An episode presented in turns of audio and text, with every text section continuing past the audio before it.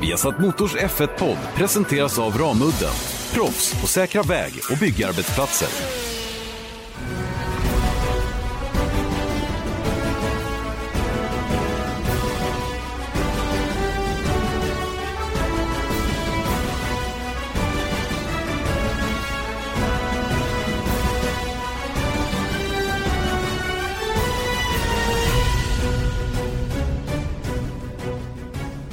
Formel 1-podden, en dag senare än vanligt eh, med anledning av lite logistik då såklart. Eh, man måste ju försöka ta sig från ett ställe till ett annat, så enkelt är det. Erik Stenborg och Janne Blomqvist i alla fall med Vesat Motors Formel 1-podd.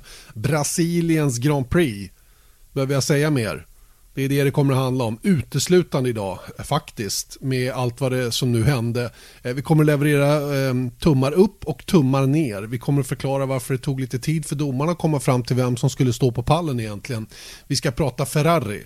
Eh, dels deras motor, vad är domen egentligen? Dels vad håller de på med på banan? Eh, vi kommer att lyfta fram Alfa Romeo också som gjorde ett väldigt, väldigt bra jobb eh, för första gången på ett tag nu och kanske lite grann tillbaka och, och sådana saker. Va? Så att det finns mycket att prata om i dagens podd. Lite grafikdäckprestanda som kanske förvirrar en aning ska vi också försöka grotta ner oss i. Eh, Erik Stenborg, du köpte en diskmaskin samtidigt som vi satt och pratade här. Ja, gjorde jag. Det är snyggt. Man måste multitaska. Men Janne, vilket, vilket, vilket klipp i steget har. Tryck i rösten. Ja, du har sovit, sovit en del eller? Ja, ja, ja. 11 timmar natt. Mm. Jag, är, jag är som ny. Nej, men faktum är att jag sov väldigt bra både på vägen dit och på vägen hem på långflighten så att säga då. Men, men det är ändå så, man är lite groggy när man kommer tillbaka. Jag har ju typ levt på svensk tid även i Brasilien. Det är ju bara fyra timmars skillnad. Så jag har varit vaken så här vid fyra, fem på morgnarna. Eh, och eh, då var det trött på kvällarna givetvis. Men jag tänkte det får vara så. Det är lika bra. Jag ska snart hem igen. Mm. Men det är lite roligt ju att man mot slutet av säsongen skiter i jetlag. Bara hoppar ja, över det ja, men vad ska man göra? Det är, man ger ju upp på något sätt. Man, det är bara ett sammelsurium av tidszoner. Jag menar, vi var ju inte så långt, eh, för inte så länge sedan i USA och Mexiko. Under den perioden så hann man ju faktiskt, i alla fall mot slutet av den perioden, bli på amerikansk tid. Och sen tillbaka till Sverige och sen så halvvägs tillbaka igen. Så att det, det är lite snurrigt i huvudet, så är det. Mm. Men sen ska vi till Abu Dhabi, då är det bara två timmar. Åt andra hållet ja. Så ja. det är egentligen sex timmars skillnad mot Brasilien. Exakt, men jag är så laddad för den där resan så att eh, för äntligen ska jag få komma ut. Exakt. Och, och lufta mig. Ja men det är bra, det behövs. Mm. Och det är varmt och skönt där nere. Och det är, ett, det är en trevlig helg det där, avslutningshelgen. Det går inte att komma ifrån. Det är liksom en uppsluppen stämning i paddock och alla vet att nu ska vi liksom knyta ihop snörena över säck, säcköppningen här och liksom se till att vi får en, en bra vinter.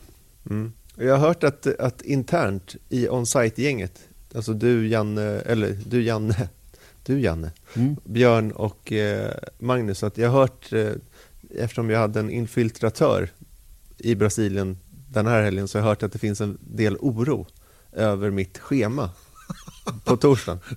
Du, till och med Mel, vår ljudtekniker, sa Erik kommer, då får ni jobba, säger hon. det är bra ju. Det är bra att ha det ryktet med sig. Exakt. Ja. Jobbig jävel. Nah, jag vet Kanske mer åt tidsoptimisthållet. Mm. Det, det kan jag skriva under på faktiskt. Mm, mm. Men jag lär mig inte. Jobbig skulle jag inte säga att det är. Det är ofta roliga grejer och liksom så. Men det gäller liksom att det finns utrymme att hinna med allting. Men det, mm. det löser sig. Det ska vi inte gå in på här i podden. Jag tycker vi ska prata Brasiliens Grand Prix. För jag vet att alla eh, biter i bordskanterna och vill att vi ska, vi ska gå igenom Brasiliens Grand Prix. Till att börja med, du satt ju hemma vid tvn och delade upp loppet i två delar. Hur blev det? Ja, det, det, blev så. Jag kunde inte titta på det live nämligen, så då vill jag verkligen, jag, jag vill ändå, eftersom man inte minst jobbar med det och gör den här podden, så vill man ju liksom se det ordentligt. Och då, då blev det så att jag såg de första 40 varven i, i en sittning och då kände jag så här, ja, det här är väl, det är väl helt okej. Okay racen då. Så här. Och sen så kom jag tillbaka och sen så tittade jag på de sista 30. Och då blev det en helt annan grej var två, två olika ansikten på ett race får man verkligen säga. Mm. Men va, alltså det var ju verkligen sådär... Uh, jag, jag, tycker det var, det var som ett Indycar-race fast ännu bättre för att det var i Formel 1. Förstår du? Mm, vad, jag, jag, vad jag menar med... Vet du vad? Vad roligt att du säger det. För jag, jag satt exakt och tänkte så efter målgången. För det här är ju inte en ovanlig, ett, inget ovanligt scenario i Indycar att det blir eh, gulflaggor och säkerhetsbilar och sånt som avgör ett race och det blir väldigt rafflande då de sista varven. Jag, jag hade exakt samma tanke när de stod där på pallen. Tänkte, ja, varför är man så uppfylld av det här för att det är Formel 1 liksom, mot ett Indycar-race? Jo, för där förväntar man sig det mer. I Formel 1 gör man det inte. Mm. Eh, I Formel 1 är det ju en, ett, det är en annan typ av racing och när det blev som det blev här nu då, så, så, kräver det andra saker av förarna. De måste ta större risker. Dessutom hade vi ett mästerskap som var avgjort längst fram vilket i allra högsta grad präglade hur man tog sig an olika situationer. Jag tänker till exempel på Lewis Hamilton mot Alex Albon. Så det hade han aldrig gjort, ever. Om det hade varit så att det var ett mästerskap att liksom hålla koll på. Finns inte på kartan. Va? Så att, eh, det, det, är lite sådana grejer som också gjorde att det blev som det blev på slutet. Mm. Ja, men det är någonting med Indycar, att dels förväntningen att, att det kan bli så där, men också att när det blir så i Indycar så upplever jag det som att det är kul, det är underhållande, men det, det känns kanske inte 100% äkta. Här, var, här blev det verkligen på något, alltså, det är diffust, jag inser det själv, men att här kändes det verkligen äkta på något sätt. Och så här, mm. snyggt genomfört på ett, eller liksom proffsigt. På, på något konstigt vis. Ja, ja, det är möjligt. Jag vet inte, den, den första säkerhetsbilen där var ju högst oväntad. Ja. Eh, att Valtteri Bottas bil fastnade har jag förstått senare på någonting som gjorde att den inte gick för handkraft att rulla undan för han ställde sig väldigt lämpligt till jag trodde bara att okej okay, nu kör vi. Mm. Men i själva verket så blir det, blir det säkerhetsbil då vilket naturligtvis kastar omkull förutsättningarna ganska ordentligt då. Um, och säkerhetsbilen behövdes för att de var tvungna att ta ut den där um, vad heter den? Eh, teleskoplyftaren tror jag de kallas. Mm. för att flytta undan hans bil. Då. Man tar ju inga risker längre när det gäller de här bitarna då, efter det som hände i, i, um, i Japan, Japan. Då, 2014. Mm. Eh, så det får man väl leva med. Sen tar det ju lång tid naturligtvis. Vi hade ju mer än halva fältet ett varv efter och de skulle ju naturligtvis då enligt regelboken ovarva sig själva och det här tar ju tid. Så det blev rätt många varv där bakom säkerhetsbilen innan vi kunde ha omstart då. Och då var det ju flera som passade på att skaffa sig lite bättre förutsättningar. Eh, Charles Leclerc till exempel som, som var en bra bit efter i det läget. Han fick ju möjlighet att, att liksom dels täppa till luckan och dels få på fräscha däck. Så han hade liksom nollat allting då. Eh, Max Verstappen gav upp banposition eh, mot, mot Lewis Hamilton men, eh, men eh, vi, vi ska prata mer om honom strax. Men han såg ju till att lösa det ändå. Eh, vilket var sjukt imponerande. Va? Men alla de här bitarna tillsammans, några hade ju varit inne i depån redan och lagt på så de hade hyfsat fräscha däck.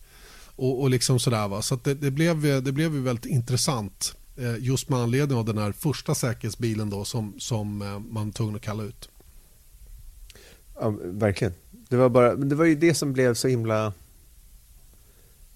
Ja, det, det är lustigt, för nu har ju Ross Braun börjat prata om, det kanske var sista Safety Caren som vi var inne på då, eller sista omstarten var ju just när alla, när Max Verstappen ledde fältet och det var så tajt och de, eh, ja, de låg bredvid varandra helt enkelt. Att då gick Ross Braun, jag vet inte om det var han som kom, kom med idén eller om han fick en fråga som sen uttrycktes så här då att, att de eh, skulle titta på om man kunde liksom bygga in det här i Formel 1 för att det blev så pass spännande. Mm. Det, det är kanske lite, tar det ett steg för långt kanske, men, men det gjorde någonting minst sagt. Jag, ty jag, jag, tycker absolut att det är ett steg, att gå ett steg för långt att liksom på något sätt på konstgjord väg skapa spännande avslutningar i racen. Däremot tycker jag omstarterna kan vara på ett annat sätt. Indy omstart skulle jag ju föredra med två bilar par i par. Ja. Eh, det tycker jag är mycket fränare än, än att, att de ligger på led. För då, har, då är det ingen som kan använda omstarten till någonting egentligen. Det är ju väldigt svårt i vilket fall som helst. Så att en indie-omstart skulle jag ju föredra då, eh, att man parar ihop sig då. Eh, och, och sen släpper fältet med, med en grön lampa istället. Va? Att man kommer att rulla i långsam fart, samlar ihop hela fältet 2-2 kommer framåt lampan, lampan slocknar och sen sticker man. Liksom. Att man får den typen av omstart istället. Det skulle vara, det skulle vara mycket, mycket fränare mm. tycker jag, än, än, det vi har idag där säkerhetsbilen går in.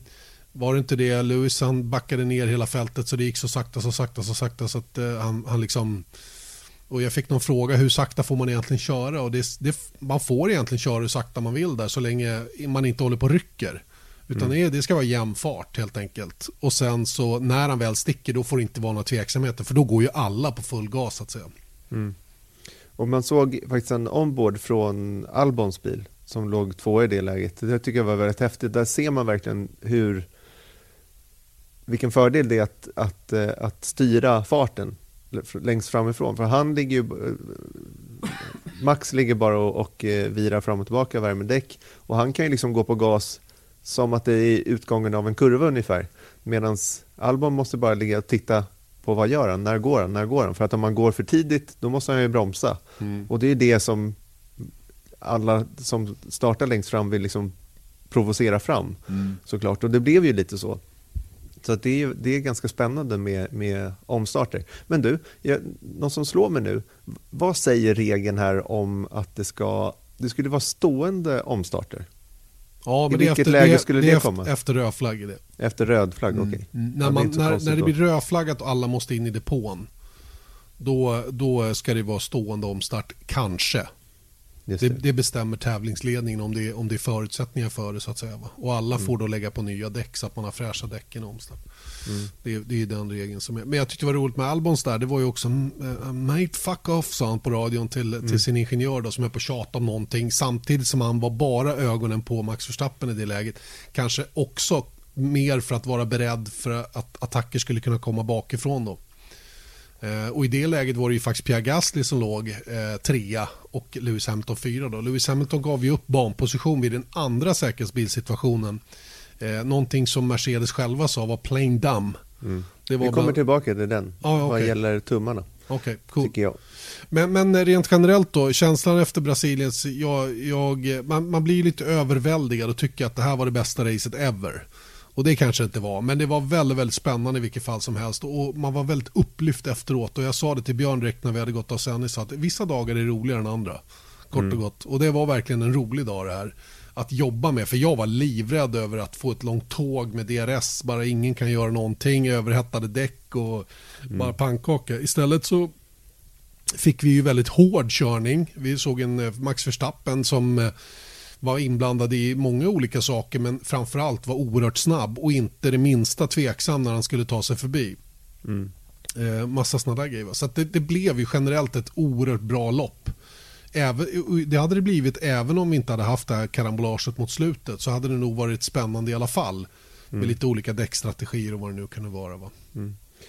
Hur mycket tror du, vi var inne på det lite grann, men hur mycket tror du att det påverkade att VM var över just för det alla kör för nu är racesegrar och bra placeringar. Det spelar liksom ingen roll. Jag menar, inte alla, om man, om, men om man bryter, så, ja, men där uppe så är det liksom, det, det är faktiskt inte så många i, i varje fall topp tre som bryr sig om de kommer, om de bryter eller kommer fyra. Det, det, är liksom, det är inte hela världen, utan de vill ju göra bra race nu. Hur mycket tror du att det påverkar att de inte har ett VM att tänka på? Nej, jag tror att det är, det är allt. Eh, faktiskt. Som jag sa, Lewis Hamilton agerade helt och hållet för att han eh, inte hade något att ta hänsyn till. Varför tror vi att Ferrari-gubbarna körde som mm, tröttmössor på slutet? Det var ju för att det påverkade inte konstruktörs-VM, det påverkade egentligen bara deras egna chanser att slå den ena eller den andra. Det är ju som Björn sa, det är ingen som åker runt och samlar på tredjeplatser i VM, så det var ju skitsamma. De håller ju bara på att positionera sig internt. Mm. Och, och, och beter sig bara dumt, båda två faktiskt. Jag, jag, måste säga det. Jag tycker att eh, vi ska också prata mer om det längre fram. Va? Men, men det, det, är bara så tydligt för mig att det fanns inget annat att köra om utan nu var det bara massa e, e egotrippar. Mm. Du, Honda har, eller Red Bull-teamen har ju eh, Honda-motorer och det har ju sett eh, väldigt bra ut och man kan konstatera att det här var då första eh, dubbelsegern sedan 1991 och det var så Sennas sista seger, tror, tror jag, i Japan. Eh, som Honda eh, slutade etta och tvåa i ett race. Och sen så var det första dubbelsegern med två olika team, men med Honda-motorer då, sen Monza 1987. Och då körde Nelson Piquet för Williams och Senna för Lotus. Och det är ju lite spännande att Red Bull och Toro Rosso, Honda-teamen helt enkelt, har sett väldigt bra ut på ganska hög höjd. Mm, det vart väl ganska, vi fick väl mer eller mindre förklaringen till det i just Brasilien då. Eh, och det är ju för att de har, deras turbo är lite annorlunda i dimensionerna än vad både Mercedes och Ferrari ser. Och det har de ju uppenbart en stor nytta av. Eh, och, och, James Allison var inne på att de har ju designat sin motor egentligen hela bilen då efter att vara så bred som möjligt, klara så många banor över säsongen utan att, utan att tappa något. Men just på hög höjd så har ju de de största problemen och faktum är att då glider vi in lite sakta på det här med Ferrari också som då eh, många undrar hur mycket lider de av de här tekniska direktiven.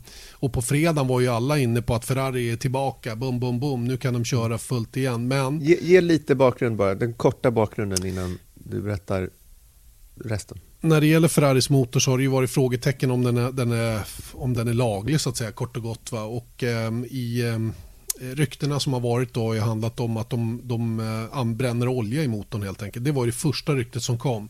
Sen har det ju dykt upp också det här med bränsleflödet eh, och det här var ju någonting som Red Bull misstänkte att Ferrari höll på med. Därför så eh, gick de till FIA och sa att vi vill införa ett system eh, sånt här system angående flödet av bensinen till motorn och det var ju bara för att det var det de misstänkte att Ferrari använde. FIA sa nej, det kom ut ett tekniskt direktiv som då var riktat mot Ferrari men som egentligen var svaret på Red Bulls förfrågan om ni förstår vad jag menar. Och sen kom det då ytterligare tekniskt direktiv då eh, också baserat på rykten som har funnits i depån då kanske Hej, jag Ryan Reynolds. Recently, I asked Mint Mobiles legal team if big wireless companies are allowed to raise prices due to inflation. They said yes. And then when I asked if raising prices technically violates those onerous two-year contracts, they said, "What the f*** are you talking about? You insane Hollywood ass." So to recap, we're cutting the price of Mint Unlimited from $30 a month to just $15 a month. Give it a try at mintmobile.com slash switch. $45 up front for three months plus taxes and fees. Promoting for new customers for limited time. Unlimited more than 40 gigabytes per month. Slows. Full terms at mintmobile.com. Så också från något team, inte vet jag, eh, om att det här med att bränna olja i motorn är ju faktiskt inte tillåtet längre. Oljan är ju bara tillåtet för att kyla eller smörja, ingenting annat. Eh, och det här har man ju då haft kontroll på genom att mäta hur mycket olja bilen har från början och hur mycket som har bränts under racet. Och sen har man då en, en viss marginal då som man måste hålla sig inom. Eh, och troligen så har Ferrari klarat de där marginalerna för de har inte varit, jag menar, det har varit mycket förfrågningar angående Ferraris motor under året och, och eh, de, FIA har ah, inte haft några synpunkter och fortfarande finns inga synpunkter på Ferrari-motorn och det har inte kommit några protester från något team runt omkring det heller.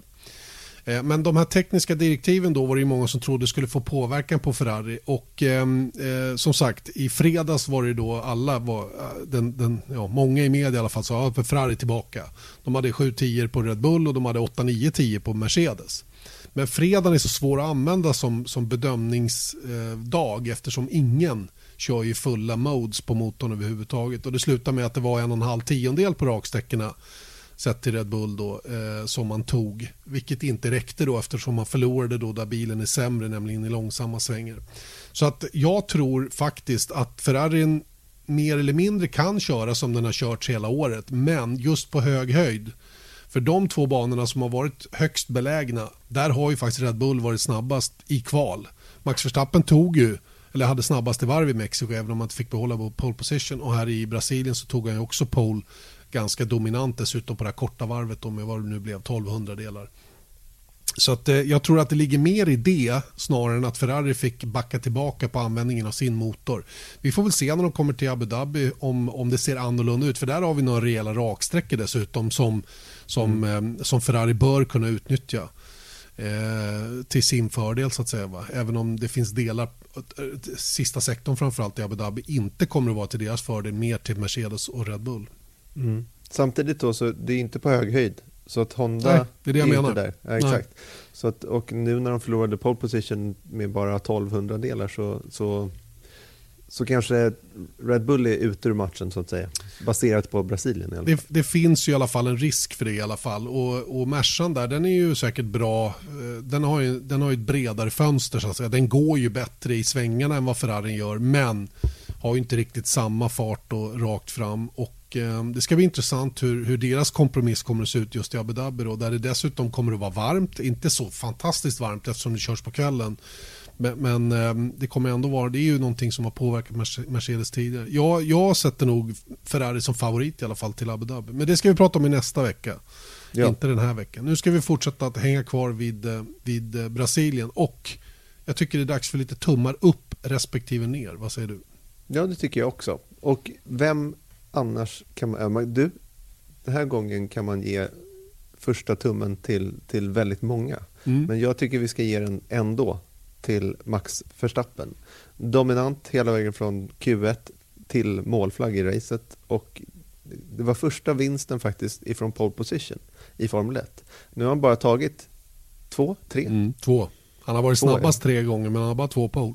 Ja, exakt. Så det, det, det, den statistiken är inte så himla häftig egentligen eftersom han bara startat längst fram två gånger. Men känslan är att han borde ha tagit fler vinster från pole vid det här laget. Självklart är det så. Va? Det hänger ihop med vad han har kört sedan han kom in i Formel 1. Att det, materialet har inte riktigt räckt till. Men jag skulle säga om Max Verstappen var att jag håller helt och hållet med om att han dominerade från Q1. Han var snabbast i samtliga kvalsegment. Eh, Han var snabbast i racet. Han slog väl inte snabbaste varv, det tror jag var Valtteri Bottas. Men, men, eh, men oavsett det, han behövde inte slå snabbaste varv snarare. Eh, och, och sen tycker jag framför, det som framförallt stack ut det var ju att han tappade ju banposition inte mindre än två gånger. Och det var inget snack. Han bara blåste förbi. Tänk den omstarten som han gjorde när han hade strulat bakom, eh, bakom Robert Kubica ut ur depån där. Vilken brutal omkörning av Lewis Hamilton eh, på det sättet. Eh, men menar, ta, ta Valtteri Bottas som jämförelse när han hade ett jätteläge på Charlie Leclerc. Han kom inte till. Och det där är, det där är Bottas svaghet. Va? Verstappen, inga, inget snack. Och de, de där grejerna tycker jag lyfte hans prestation ännu lite till. Jag tycker det var fantastiskt bra gjort hela racet rakt igenom av Max Verstappen. Och det här, det här stoppet vid näst sista säkerhetsbilen också att ta fräscha det, det är ju en jättechansning givetvis. Men, men det visar sig att det var inga som helst problem det heller för honom att, att agera på det.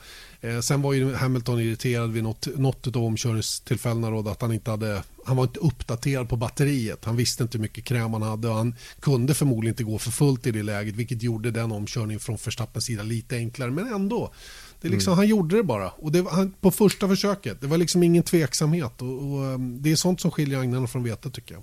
Mycket, Ja, men det var ju mycket hela bra. tiden. Han var ju attackerad av Hamilton faktiskt under hela racet i stort sett. Och det var undercuts och det var eh, omstarter och allting. Han kontrollerade allting. Mm. Jätte, jättebra insats av Max Verstappen. Verkligen en tumme upp, kanske till och med två.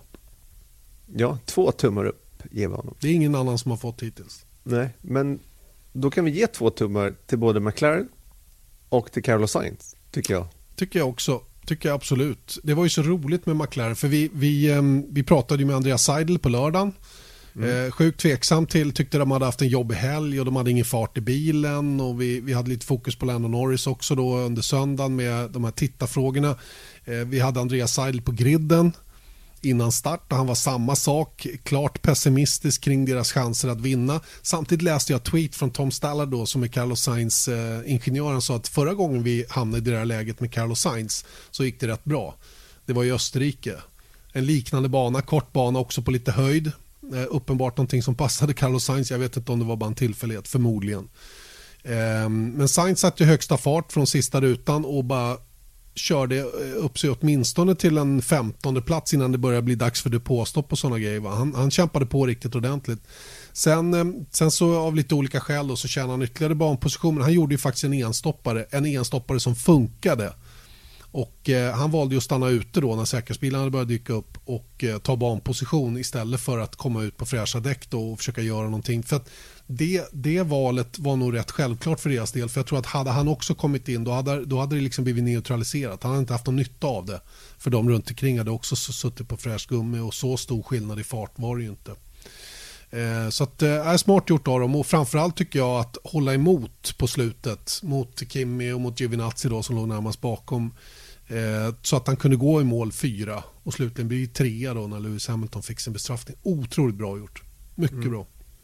Men du, då kom det ju upp en sån här... För det första ska jag säga det då, att det var ju senaste gången McLaren var på podiet, det var i Australiens Grand Prix 2014. Då var Kevin Magnusson tvåa och Jenson Button trea. Och där flyttades de upp eh, eh, tack vare då att eh, Daniel Ricciardo blev diskvalificerad på grund av fuel flow. Så då hade de två förare på podiet. Och det var alltså 2072 dagar mellan de här pallplaceringarna. Så det, det var a long time coming och det tycker jag säger ännu mer då att vilken väg McLaren har vandrat i år. Verkligen va och vilken, vilken studs uppåt. Vad blev de förra året? Sexa i konstruktörs-VM, nu stenklara fyror med god marginal till femman och de är ohotade inför, ett, inför, det sista, inför den sista tävlingshelgen vilket betyder att de har mer än 48 poäng. Eh, och eh, det är klart att de gör framsteg, det är ingen tvekan om den saken. Och man kan ju tillskriva det här till, till eh, Andreas Seidel då, som ny teamchef men jag tror hela omtaget som man har gjort till i år eh, har funkat väl ut och deras on-track operations har, har varit spotless. Alla uppdateringar verkar funka. Och Det är det där klassiska. Vi har ju sett det från Racing Point eller Force India hur, hur de blev jättestarka då när de hade ordning på den biten. Williams, när de hade sina tredje, fjärde och femte plats i konstruktörs var ju bara därför för att de med små resurser ändå kunde maximera för att allt det de tog fram funkade på bilen. Det vill säga mm. de hade ordning på korrelationen. Och Det är det som är den avgörande grejen tror jag för McLaren i år. Det kan se helt annorlunda ut nästa år om man bara missar lite grann med de här bitarna. Så att man ska inte ta något för givet och jag tror de måste vara väldigt ödmjuka inför det här inför nästa säsong. Men nu verkar de ju åtminstone ha ett koncept som går att bygga vidare på på ett bra sätt. Men det måste, de måste verkligen hålla i. För det går mm. ju att tappa bollen också. Det har ju Haas visat om inte annat. Racing Point också då, eh, delvis på grund av ekonomiska Williams. problem. Och Williams inte mm. minst. Mm. De är ju nowhere när de inte riktigt håller i. Håller i liksom. Mm. Men det är där jag tycker var det mest spännande. Vi hade ju tittarfrågor med Lando Norris eh, som sagt och ett av svaren som han, det var en följdfråga från dig då, när han pratar om skillnaderna mellan fjolårets bil som inte var så bra och årets bil, att han just säger det att nej men, det känns ingen större skillnad. Alltså bilen har samma, liknande karaktär, eh, man kör den likadant, man kör den på gränsen, man har eh, de här släppen och sladdarna och liksom, man balanserar på gränsen precis samma, på, på samma sätt. Men grejen är att vi har mer grepp, så det går bara fortare. Mm. Det känns likadant, men det går fortare bara. Mm. Jag tycker det är också en ganska spännande det, grej. Det är fascinerande och jag, jag har tänkt på det där flera gånger. För jag har ju pratat självklart mycket med Marcus Eriksson om det där. man känner om en bil är snabbare helt plötsligt. Ja, du kan känna om den har bättre balans. Att den är liksom som du vill ha, som gör att du kan maximera din egen kör, körstil. Det är ju en del av det. Va? Men, men annars är det klockan som bestämmer. För att det är de här, jag tror inte man känner om man åker, ja det kanske man gör i och för sig lite grann i ryggmärgen om man åker två sekunder snabbare. Men om man inte gör det back-to-back -back med bilarna, då kan man ju inte veta. Utan när man åker ut med, med 2018 års McLaren och gör allt man kan och man åker så mycket det går precis på gränsen för vad greppet tillåter och så tycker man att det där var ett jävla bra varv. Liksom. Och det är då ännu två sekunder långsammare då än, än 2019 års bil som man kanske träffade med till 95 procent. Man, man, vet egentligen inte riktigt varför det blir så. Utan Det är nog precis som man beskriver Eller det är klart att det är så eftersom man säger det. Va? Men, men det är helt enkelt greppnivån är bättre.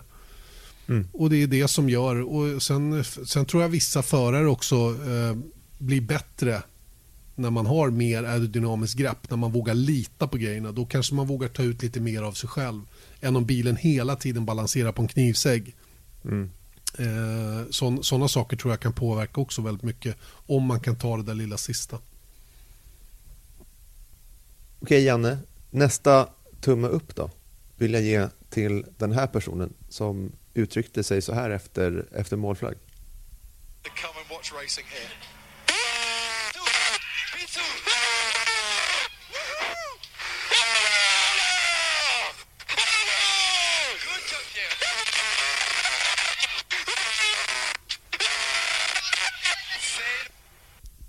Är det så där det låter alltså när, när en sten faller från en axlar?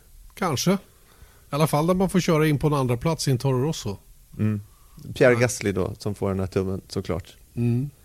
Eh, fem race med Toro Rosso 2017, hela säsongen 2018. Sen eh, uppflyttad då till Red Bull eh, 2019. Eh, sparkad av Red Bull eh, vid sommaruppehållet eh, med en fjärde plats i England som bäst Eh, och nedflyttad efter Ungerns Grand Prix. Och sen, sen eh, har han kommit tillbaka till Toro Rosso och egentligen bara hittat tillbaka till sig själv igen. Och helt plötsligt så får han gå i mål som tvåa. Mm. Och, eh, och grejen är att han fick inför helgen veta att han får stanna i, i Toro Rosso, vilket mm. kanske inte var helt klart. Och sen så är Albon i hans bil, så att säga. Och Albon bryter, blir han tvåa med Toro Rosso. Och jag menar, det var ju synd om Albon, det var inte hans förskyllan överhuvudtaget. Men jag tycker bara att det är så här, vilken saga egentligen. Att han kommer tvåa efter Max Verstappen hans bästa resultat i Formel 1, hans bästa, alltså det bästa resultatet av Toro Rosso sen 2008 Mm. i, på, på Monza när Vettel vann. Då. Jag tycker det är helt eh, otrolig grej och det är det som jag menar med den här reaktionen. Jag har aldrig hört något liknande Nej. från någon. Nej, fascinerande. Den var, ju, den var ju högst oväntad. Men jag förstår verkligen att han... Att, eh, för det gick igenom rutan på något sätt. Allt den här, all den här frustrationen. Eh, allt det här tuffa med att köra för Red Bull i en bil. Eh, det var roligt faktiskt. För Marcus Eriksson då, som var på plats i Brasilien och jag eh, satt och pratade lite grann om just Red Bull-bilen. Jag tror att det var då vi gjorde det i alla fall. Eh, om att den, den är väldigt svår. Att den är väldigt, väldigt på näsan sa Marcus. Den är ju otroligt stark framände. Och då är man snabb när man har en stark framände. Man kan styra in precis när man vill. Men när, när det blir på bekostnad av bakänden och man måste köra bilen på ett speciellt sätt. Och det är inte alla som klarar just den biten. Eh, jag skulle, det skulle vara väldigt spännande att se Kimi Räikkönen i en Red Bull-bil. För han är ju extremt intresserad av en stark framände. Och, och, ehm, men det är som sagt inte alla som klarar det. Eh, att köra bilen på det sättet som man måste. Utom just nu Max Verstappen som, som, som verkligen är magisk på att maximera just den bilen. Och jag tror att Gasly led väldigt mycket av det här. Och, och lite teorin är ju att han fick ju det som teoretiskt är det bästa att köra. Sen do the best you can. Alla hans egna preferenser på hur bilen borde vara inställd, de, de liksom struntade de i. Och, och konsekvensen av det var ju att han inte kunde leva upp till, till sin egen förmåga på något sätt. Va? Och det är därför det går bättre igen i Toro Rosso där de är mycket mer lyhörda givetvis mot hans egna önskemål. Och jag tror att Albon lite grann är i samma sits men kanske klarar det lite bättre då. Åtminstone i racemässigt har han ju varit väldigt stark. Eh, och var ju då på väg mot eh, karriärens första pallplats här senast. Men jag tycker det är fascinerande med Pierre Gasly att han, eh, att han har orkat liksom hålla den här nivån ändå trots allt han har varit med om under året. Det har ju verkligen varit en berg och dalbana. Mm. Ja, jag tycker lite samma sak med, Kvi, med Kviet då, därför att jag kommer ihåg att, att vi diskuterade li, på ett liknande sätt runt honom. När han fick då bli liksom nedpetad och fick stanna kvar i Toro Rosso och sen komma tillbaka. Att eh, det är ändå liksom mentalt starka människor det här. Uppenbarligen. Mm. Och jag vet inte hur många som hade pallat den, den grejen heller. Sen så är det klart att vadå, de får ju stanna kvar i Formel 1. Alltså Gaslys, eh, det har du hävdat hela tiden att det är väl inte hela världen att eh, bli nedflyttad så länge man känner att man har förtroende i Toro Rosso. Och det Exakt. har han ju haft. Exakt, va? och det var inte heller glasklart tror jag förrän nu här på slutet. Att han faktiskt skulle få möjlighet att stanna kvar i Toro Rosso beroende på då att de som var alternativen inte var tillräckligt bra. Eller kanske ens hade, hade superlicens då. Så att, eh, nej, det har varit en, eh, en tuff resa för Pierre Gasly men, men att han har förmågan att köra bil väldigt bra det tycker jag han visade. Och den där sista kurvan, där nere i kurva 12 mot Lewis Hamilton var ju lite imponerande då. Att han, han, för, för Hamilton fick ju verkligen rätt spår också upp för backen där. Men på något sätt så lyckades Gasly komma ur 12 tillräckligt bra utan att Hamilton skulle kunna attackera. Han vann med 600 delars marginal över linjen där om just andra platsen då. Och sen blev ju som sagt då Hamilton nedflyttad. Och det leder oss in på, på um, vår första tumme ner. Det är Lu- Hamilton. Ja, det blir ju det. Eh, Lewis Hamilton får faktiskt en tumme ner. Ehm, eh, i, ja, det är, jag vet inte hur jag ska uttrycka mig nu. För jag vet inte egentligen vad han gjorde så himla dåligt i racet. Det, det var ju naturligtvis försökt att köra om Albon som inte blev perfekt. Eh, det kan man ju konstatera då, eftersom han, han, eh, han eh, orsakade så att säga kontakten de två emellan. Men Albon var väldigt, väldigt inbjudande till att den där attacken skulle komma där. Björn sa till mig att där är ingen kurva att köra om i. Där, det, du, du gör det inte bara. Så att där, där borde han ha väntat. Och det är ju som Albon själv säger över radion. Allt han behövde göra var att vänta i tre kurvor till. Så hade han kört om i alla fall. Och där tycker jag faktiskt att Hamilton stressade upp sig i onödan eh, och inte visade den där normala kylan så att säga som vi, som vi är vana att se från Lewis Hamiltons sida. Han var, han var inte riktigt i fas där och, och vet inte om den skärpan försvinner för att man redan är klar världsmästare. Troligen. Det, det, det, det, lilla räcker tr- troligen för att man, man ska göra en, en sån bedömning. Och jag, jag måste säga att det var, det var, det var lite klantigt av. Jag, jag, kan dock tänka mig att det är lite omständigheter, för vi kommer till nästa tumme ner, vilket är, är, är Mercedes då. Men innan vi kommer in på liksom, ja, varför de får en tumme ner, så var det också omständigheter som Hamilton hamnade där. För att det där sista, eh, sista stoppet till exempel, det var ju liksom för att han siktet var ju där på en seger. Han går ju för segrar nu också. Och då var det liksom så här att ekvationen var jag kan inte vänta tre kurvor till om jag ska ha en sportslig chans på Max som ligger i ledningen. Nu var inte eh, möjligheten att ens komma ifatt Max eh, speciellt hög, tror jag. Så att därav borde han liksom bara konsoliderat det han hade. Men där och då så tänker, tänk, tror jag att Hamilton tänker att nu måste jag ta mig om fort som fasen för att jag kan inte vänta i tre kurvor till om jag ska ha en chans på segern. Själv, självklart är det så, men, men vad jag vill hävda är fortfarande att han hade aldrig gjort den här attacken om inte VM hade varit avgjort. Nej. Även om han hade hamnat i samma situation med levande VM, då hade han tänkt på ett annat sätt. Va? Så att han var, skärpan var inte riktigt där, där den borde vara. Sen mm. så tar han på sig den här smällen efteråt. Han väljer till och med att inte försvara sig själv upp hos domarna. Eh, och Det tror jag också är en sån där konsekvens av att han, han skiter i vilket. Jag, jag klantar till det typ sådär. Va? Hade, det varit, hade det varit eh, att gå miste om 15 poäng då tror jag inte han hade varit tyst eh, om det till exempel var så att han hade ledat VM med 25 poäng och ett race kvar att köra. Då hade det nog låtit annorlunda. Va? Så mm. Det är en sån där ödmjukhet man kan kosta på sig i, eh, i det läget han har varit. Mm. Du, ska vi prata lite domslut? För det var ju det här som gjorde då att bland annat då att man inte riktigt visste vad, hur, hur pallen såg ut ja, många när de stod där uppe. Många har hört av sig till mig och varit kritiska över att det tar sån tid för domarna att de borde prioritera det här så att det blir rätt på pallen. Och det kan man väl tycka, självklart. Men det som hände var ju att eh, incidenten med Hamilton och Albon skedde väldigt sent i racet och det var mycket annat som de hade liksom, ja de var tvungna att ha fullt fokus på de här återstående varven. Det var ju upplagt för att det skulle kunna hända fler grejer. Så man tog direkt från domarnas sida beslutet att den där incidenten undersöker vi efter loppet. Då är ju, eh, då är ju eh, gången så att säga att båda förarna ska höras. Och det hann man inte. Det fanns inte en chans att hinna med det innan podieceremonin. Så därför så fick det preliminära resultatet gälla. Och de som klev upp på pallen då, det vill säga Max Verstappen, Pierre Gasly och Lewis Hamilton var de som fick gå upp på pallen. För de var i det läget etta, tvåa respektive trea. Eh, och sen, sen var det ju ändå så att Lewis Hamilton släppte hela grejen. Han sa det, ja, men eh, Ron Meadows som, som skulle ha följt med Hamilton upp till domarna, de sa att vi väljer att inte, vi, vi bestrider ingenting utan vi, vi liksom kör på bara. Och det betyder ju då fem sekunders tidstillägg för Lewis Hamilton som då eh, flyttades ner till sjunde plats. Eh, och, och, så här är gången. Det är ingenting vi kan göra någonting åt. 99% av gångerna så blir det rätt på podiet. Någon gång blir det inte rätt av just den här anledningen. Och det, det är ju massor med hänsyn de måste ta. Tv-tider inte minst. De har ju ett ganska strikt tidsschema. Det vet du Erik som man måste hålla sig till.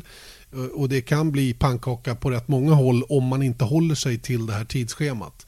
Och jag tror faktiskt att även McLaren, Carlos Sainz, alla de här är medvetna om att det blev, inte, det blev inte perfekt men de fick ju möjligheten senare då att gå upp på podiet och, och göra sin grej helt själva och kunde liksom utnyttja den situationen till sin fördel. Sen kan man ju naturligtvis som McLaren-fan bli väldigt besviken på att Formel 1 var precis nu när de då äntligen fick komma på podiet så fick de inte vara med i tv. Men, men vi ska också vara medvetna om att eh, 90% av tv-publiken har stängt av när vi kommer så långt också. Det är en väldigt, det är väldigt brant tapp. Mm av, av uppmärksamhet så att säga då när man väl har tagit målflagg. Och så kan man fråga Giancarlo Fisichella om han var besviken över att få vänta ja. på, sitt, eh, på, på sin eh, Seger. trofé. Just det, ja. det var ju till och med om segern. Eh, mm. 2003 var ju det, när det var lite diskussioner huruvida målgången hade gått rätt till och så vidare. Och han fick ju, fick ju ha en egen liten ceremoni då i, på Imola helgen efter istället. Mm. Jag tror att i alla fall att Carlos Sainz är väldigt nöjd med att komma trea. Han har sin pokal. Nej, men det är det jag det menar. Va? Vi får inte bli så känslomässiga. Man måste ha lite förståelse för domarna. Man kan inte sätta igång och bara bli förbannad på domarna för att de gör sitt jobb. Och jag ser ju hellre att de gör rätt än att de har bråttom. Mm. Så att eh, det, det är liksom, nej. Det får man de hade nog rätt bråttom. Det var bara att det var inte så att de gick och drack kaffe och sen så började vi ta det där sen. Verkligen vi, inte. Verkligen tvärtom. Det, fanns, det, det, det finns ju massa andra procedurer som de är inblandade i direkt efter målgång också. va, Så att, vi får nog eh, slappna av lite där. Mm. Nu är det dags att vara lite elaka mot silverpilarna, Mercedes. Tummen ner. Ja, det, det, det var ju en generellt en helg där de inte riktigt hade pacen för en gångs skull. Va? Och eh, att det börjar gå på marginalerna eh, med, med tillförlitligheten visade ju också det faktum att Valtteri Bottas motor gav upp. Eh, självklart sånt som händer, inte mycket man kan säga någonting om. Strategiskt inte perfekta, visst. Eh, men det hänger också ihop med att de för en gångs skull då inte hade den snabbaste bilen. Och då kan man inte bli perfekt strategiskt utan då måste man spela lite grann eh, eh, beroende på vad som händer. Och det var ju det de gjorde runt det sista stoppet då. Men mm. där var det ju snarare förvirring som gjorde att det blev fel. De, de lät ju Lewis Hamilton bestämma om han ville ha nya däck eller inte. Problemet var att de inte hade koll på eller gav honom rätt information om hur många positioner han tappade. Exakt. Jag, jag tar det här då, för det är några få, kvar, få varv kvar av racet. Det är faktiskt inte helt 100% säkert, det kan inte de veta, att racet ens skulle startas om. Och med några hundra meters varsel ger de Hamilton valet att komma in eller ej med fel information. De sa att han skulle tappa en position om han kommer in, men han tappade två. Så att redan där hade de ju fel informerat Hamilton, vilket jag tycker är konstigt. Och sen så tänker jag att ge det till en förare som sitter i en racerbil. Att bara så här, vill du ha nya däck eller inte? Alltså, det är ganska mycket att processa för Hamilton, även om han är väldigt duktig och hej och hå. De har ju bättre koll där. Så, och det har de faktiskt erkänt efteråt, att de borde inte givit det beslutet till, till Hamilton. Men hur som helst, han kommer in och då hade de inte tänkt på att allt skrot på banan kunde förlänga Safety Car-perioden, så han, han fick två varv på sig att ta tillbaka det han tappat. Och att vinna med de förutsättningarna var inte att tänka på faktiskt. Och det bästa möjliga var att komma, komma tillbaka dit de var. Så att det var ju ett helt onödigt depåstopp, vilket de har faktiskt eh, James Allison då som var teamchef den här helgen eh, har ju sagt att det var liksom rookie error. Plain dumb. Plain mm. dumb sa han. Mm. Det var riktigt korkat och det får vi väl alla lov att hålla med om att det var faktiskt. Men, jag, men det är fortfarande så att det är ju intressant. Vi har ju klagat mycket, eller många klagar mycket på Ferrari under året då, att de gör dåliga, tar dåliga beslut strategiskt. Då. Men det har att göra med hur fort man kan köra bilen. Det hänger ihop. Alltså man måste chansa mer när man inte hänger med riktigt. Va? Och då öppnar man för att, eller man blir väldigt sårbar för att ta fel beslut. Eh, jag vet inte om vi kan härleda det här sista till det. Va? Men, men eh, visst, de var aggressiva och ville vinna. De hade absolut inget att förlora återigen. Varken i konstruktörs-VM eller i förar-VM. Så det, det, var liksom ofarligt att chansa också lite. Sen, sen eh, såklart ser det ju dumt ut utåt och eh, därför så måste de ta på sig hela grejen då. De vill ju framförallt inte lägga någon skuld på Lewis Hamilton, vilket de heller inte ska tycker jag. Utan han, han blev ju indragen, för det är ju som Allison säger, indirekt var det ju vårat fel att det som hände med Albon hände. Mm. Så, eftersom han då han försatte sin situation som inte var optimal. Och det var ju du inne på tidigare, han, han, de ville ju vinna. Och det var därför han stressade så med att göra det där försöket på Albon, vilket han hade kunnat spara två, tre svängar på att, att göra. Så hade det varit lugnt liksom. Mm. Nog om dem. Ny tumme ner. Som ja. kanske förtjänar det ännu mer. Ja, alltså, det är ett par tummar som går till både Vettel och Leclerc tycker jag. Jag, jag måste säga att jag, jag, tycker att, eh, och egentligen hela Ferrari. Ehm, jag vet inte hur du ser på incidenter, vi kan börja där i den ändan.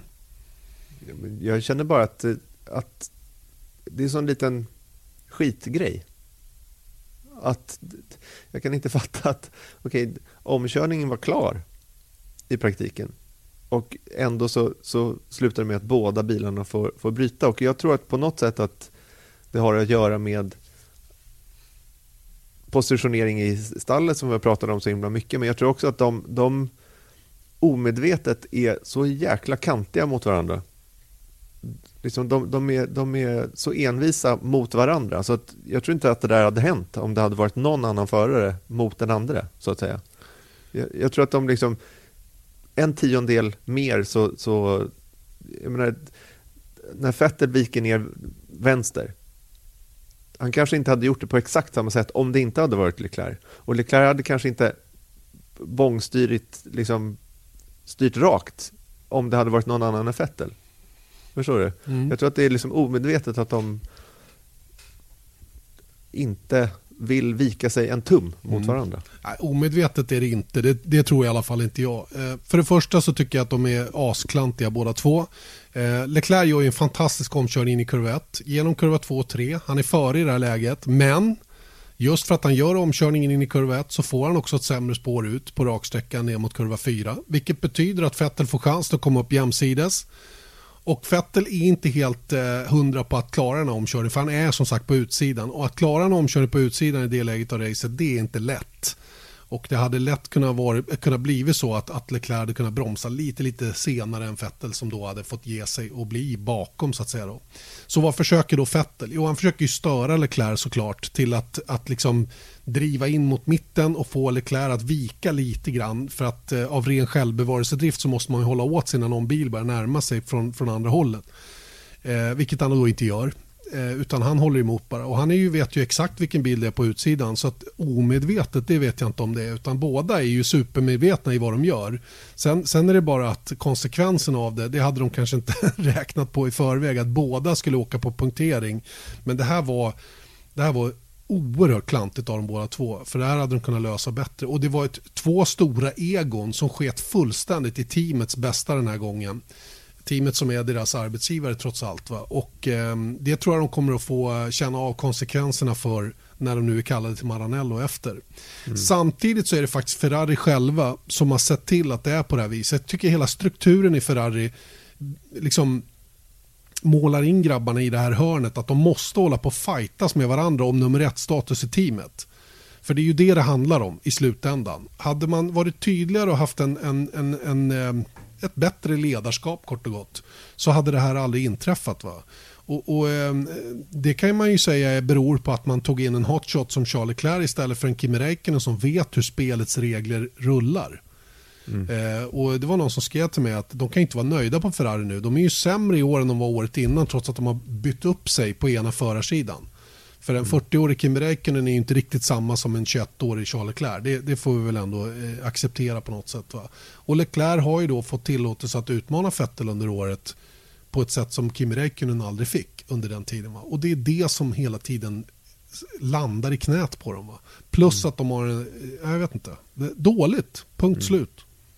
Jag vill poängtera bara att det jag menar med omedvetet var att just i den situationen att, att det var liksom, där går det ändå ganska hyfsat fort, tänker jag, eh, för dem att liksom reagera eller inte reagera på varandra på något sätt. Och då Mm. tror jag att de är hårdare mot varandra än mot andra förare. Men hur som helst, hur, hur, hur tror du på, hur, hur, mår Vettels och Leclercs relation? Ma- Mattia Benotto säger att den är bättre än den ser ut. Men grejen är ju att de båda har liksom 1-1 mot varandra innan Brasilien. Eh, Leclerc sket i en uppgörelse i kvalet då i Italien och Vettel gav igen så att säga i Ryssland. Kan det vara så att båda, liksom, när Binotto säger att den är bättre än den ser ut, att de båda förstår det? Att de är att de var på par så att säga. Mm.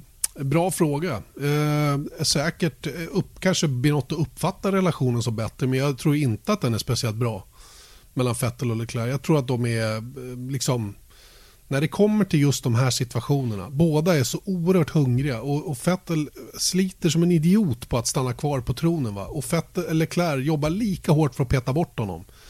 Och det här är resultatet, så att säga. Va? Och, det, och det, det, det är ju för att man inte man har inte klargjort saker och ting till 100%. Och det är klart att när man värvar in Leclerc, det första man vill säga till Leclerc är så här är det i år. Vettel är våran gubbe. Och jag tyckte lite att Binotto uttryckte sig åt det hållet i början på säsongen. Va? Att vi prioriterar. Och det verkar nästan ha triggat Leclerc och hans management ännu mer. Snarare än att få honom att lugna ner sig lite grann och, tänka att ja men Vettel är närmare slutet på sin karriär än vad, Leclerc är. Så Leclerc bara bidar sin tid. Jag lär mig lite grann hur det funkar här i Ferrari och sen så, sen så år två då. Men, men istället så har det blivit tvärtom. Va? Och han, han, ehm, och han med all rätt kanske, jag vet inte. Han har ju faktiskt kört ifrån Vettel i kval till exempel. Är man nummer ett i teamet då? Eh, Och han har mer poäng, vad, han har mer poäng än vad Vettel har. Och jag menar, det, det kanske är så. Att, men, men de är inte där än Ferrari. Men då måste de ju vara tydliga med det också. För annars händer de här sakerna hela tiden. Va? Och sen, sen kan man ju skylla hela den här grejen på Vettel om man vill det. För att det är ju han som styr in mot Leclerc. Så enkelt är det. Men jag tycker båda, båda, och jag håller verkligen med domaren att båda var lika mycket skyldiga. Båda hade kunnat undvika det här hur lätt som helst. Verkligen. Mm. Och sen en annan sak eh, som Joe Sauer skrev att hela pressrummet jublade när, mm. när bilarna gick ihop där. Och Det säger en del också om, om Ferraris image i mediakåren. Mm. De, de, de, de, är ju på ett speciellt sätt och du har väl också ett exempel på det antar jag? Ja, men det var faktiskt när jag satt och tittade på, på racet då. Eh, även om jag såg det lite i efterhand. Men om, om jag korrelerar tidpunkten när det här, de här meddelandena kom så var det faktiskt när eh, racen fort, racet fortfarande pågick. Och då, jag, man har olika WhatsApp-trådar med pressgänget eh, eh, från olika team. Då. Och då var det Ferrari som, eh, som skickade ut, jag ska läsa det till här.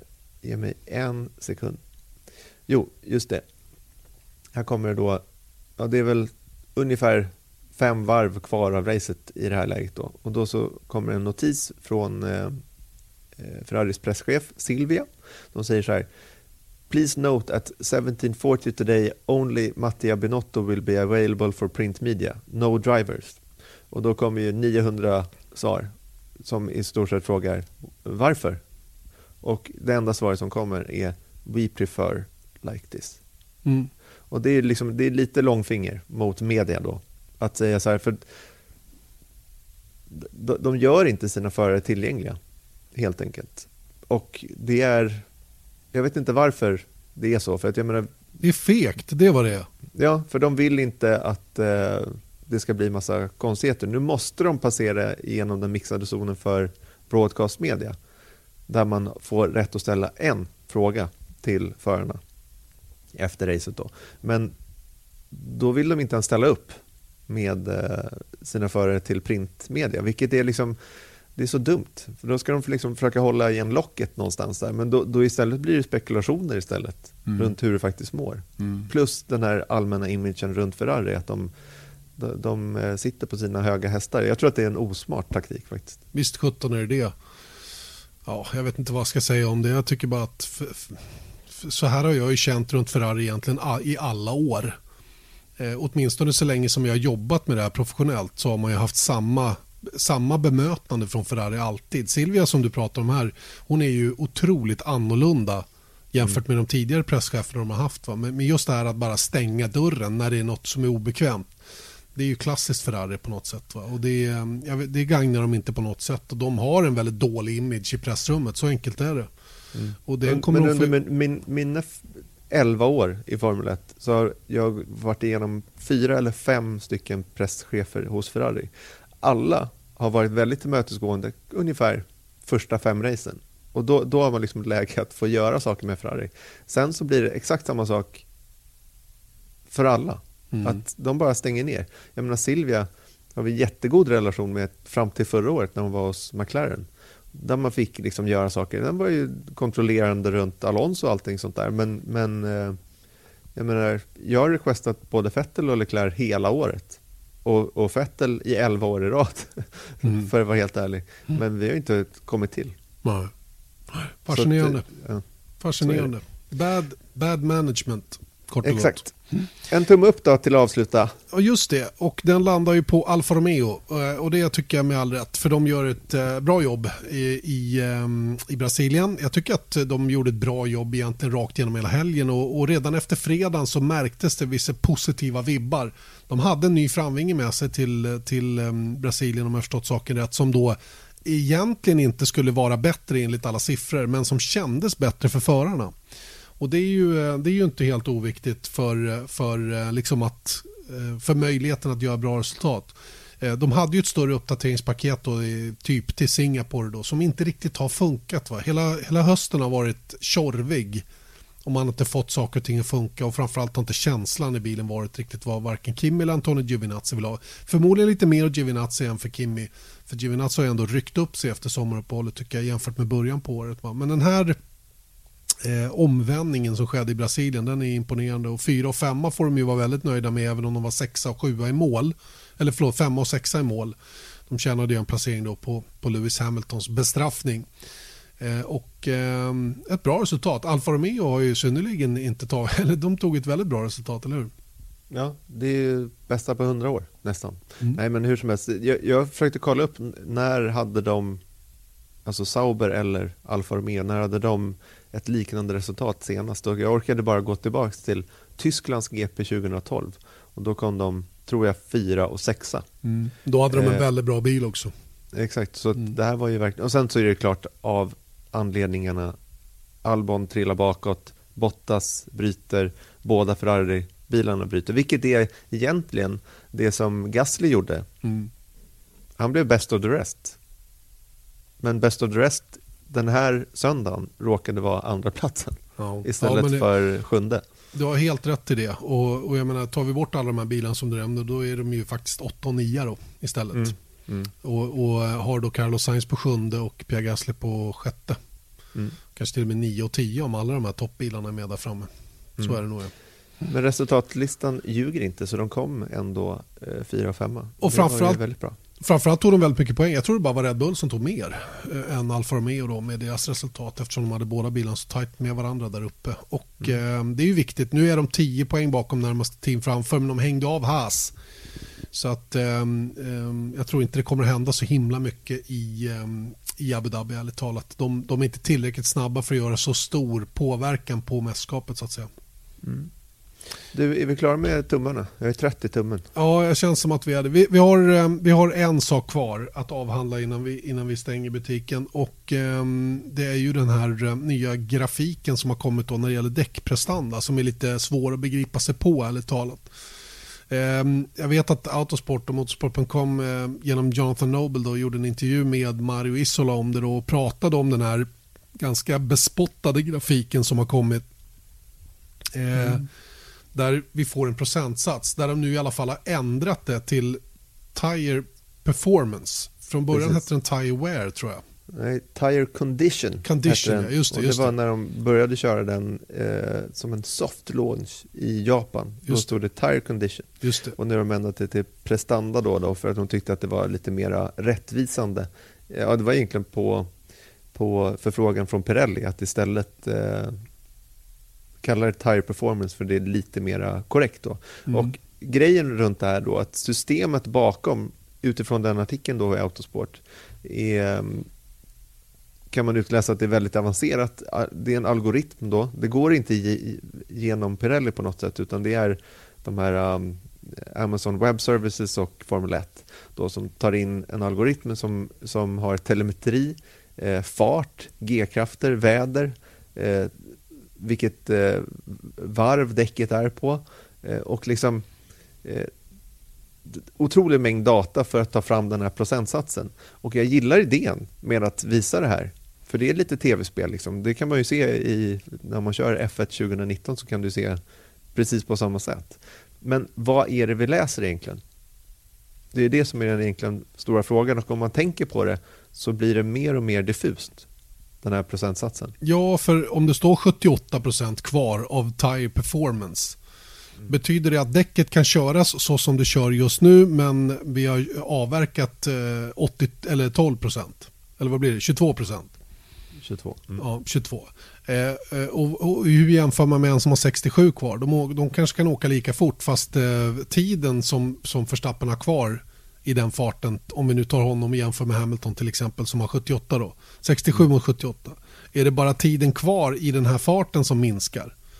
Eh, och vad betyder det när man kör på olika gummiband och så vidare? Det, jag måste säga att det, det, är för, det är för många frågetecken för att jag ska ha nytta av den där grafiken egentligen. Jag vet ju att jag kan ju se med egna ögon naturligtvis att om det börjar gå på rött då vet jag att det är lite kvar. Och är det på gult, ja då är det lite sådär på gärsken. Är det grönt, ja men då ser det bra ut. Så långt har jag nytta av det. Men det är ju ganska grovt. Mm. Ett trubbigt verktyg för, du för att läsa faktiskt, det. Du, du, kan ju nästan utläsa utifrån vad, vad, du har gjort tidigare under helgen. Du har tittat på alla fredagsträningar, du har läst alla analyser, mm. du har fått papper från Pirelli mm. och då kan du konstatera att ja, men mediumdäcket ska hålla 20 varv. Okej, är det fem varv, då kan ju du få upp grönt, grönt, i ditt egna huvud. Exakt. Är, är, är det 12 varv, ja, men då är det orange. Mm. Är det 20 då är det rött. Mm. Så att egentligen, det är liksom, problemet är ju när, när du ställer det här...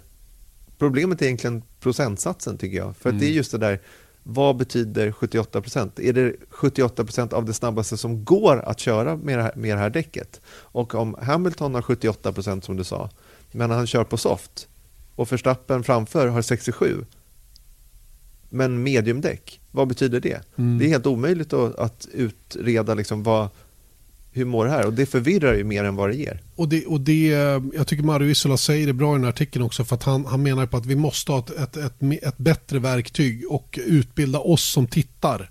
Oavsett om vi är tv-kommentatorer eller tv-publik så måste vi utbildas bättre i hur vi ska använda den här grafiken. Och där är vi inte ännu. Så idag tycker jag att de borde ta bort den eh, och fundera på eh, hur den ska presenteras på ett bättre sätt. Jag tycker inte att den gör någon större nytta just nu. För mig är den precis så som du beskrev det. Jag kan ju fatta att ett däck som är fem varv Sen är det intressant om, om, om, om man har sagt på förhand att ett soft ska räcka 25 varv och, och de fortfarande är gröna när de har gått 20. Mm. Mm. Så det kanske inte hade varit min, min egen take på det. Va, så att säga. Så att det, och då vet man att den här föraren har varit väldigt skicklig på att, att, ta hand om däcken. Han har fortfarande grönt. Det innebär att han kan, liksom, han kan åka Dels kan han åka längre och dels kan han kanske hålla ett högre tempo ett litet mm. tag till. Mm. Jo, men det är det som är grejen. att om, om, om du ser att varvtiden håller ett mm. jämnt eh, han har en jämn varvtid de senaste fem varven fast däcken har gått 20 varv. Mm. Egentligen så kan man ju då förmedla samma sak genom en sån sak. Så att jag tänker bara så här att innan de får stil på det här, för jag tycker fortfarande att, som jag sa, att det är en bra idé. Men då skulle de kunna bara visa Tire Life. Mm. Att så här, när den gått, men det gör de ju.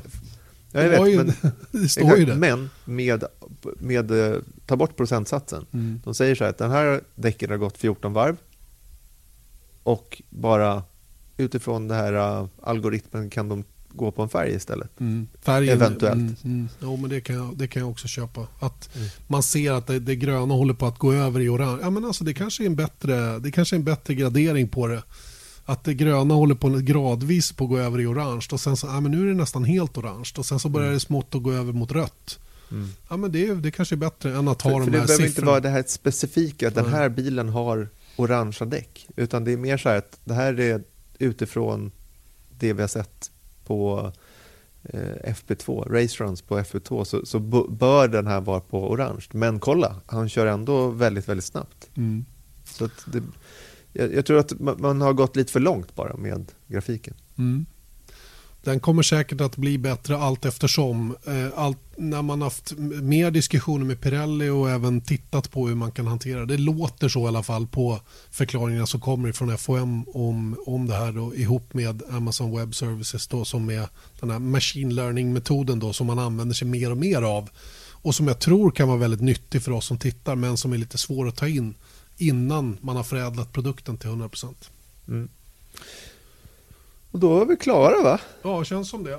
Känns som att vi har avhandlat eh, en intensiv helg i Brasilien. En enda tävlingshelg kvar. Men det betyder inte att podden stannar. Det var någon som frågade nu. Ni hoppas ni fortsätter efter säsongen och det gör vi väl? Det gör vi ju alltid. Eller hur? 52 veckor om året. Varje vecka F1-podden. Nästa vecka dock så kommer den ju med största sannolikhet att komma senare igen. Mm. Vi, vi, vi tummar på den här tisdagen ett par veckor i rad här. För att eh, du ska ju som sagt med till Abu Dhabi, jag ska till Abu Dhabi. Varför inte göra podden i Abu Dhabi? Ja, det är det, det, är det vi jobbar mot i alla fall. Och då mm. kanske vi kan ta in lite roliga gäster. Man kanske kan... Eh, ja, vi, vi har lite tankar ja, precis. hur vi skulle kunna göra det här lite extra eftersom det är sista raceveckepodden. Exakt så. Och så eh, lovar vi att vara tillbaka på tisdagarna efter Abu Dhabi. Känns Correct. det som en bra kompromiss? Ja, och den, gör vi, den första efter säsongen gör vi i Dubai. Just det, det är ju det är toppen. Mm.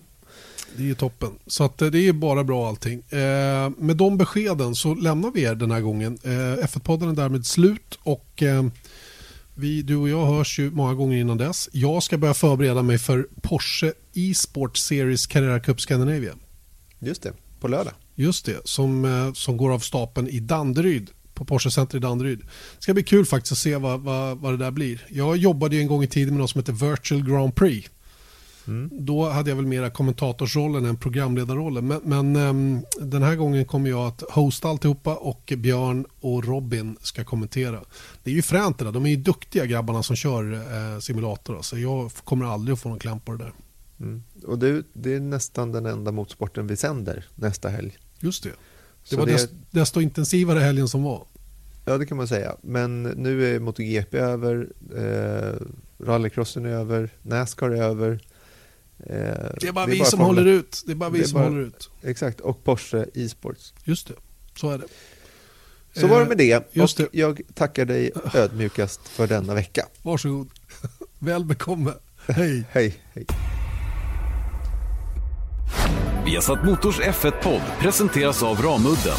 Proffs på säkra väg och byggarbetsplatser.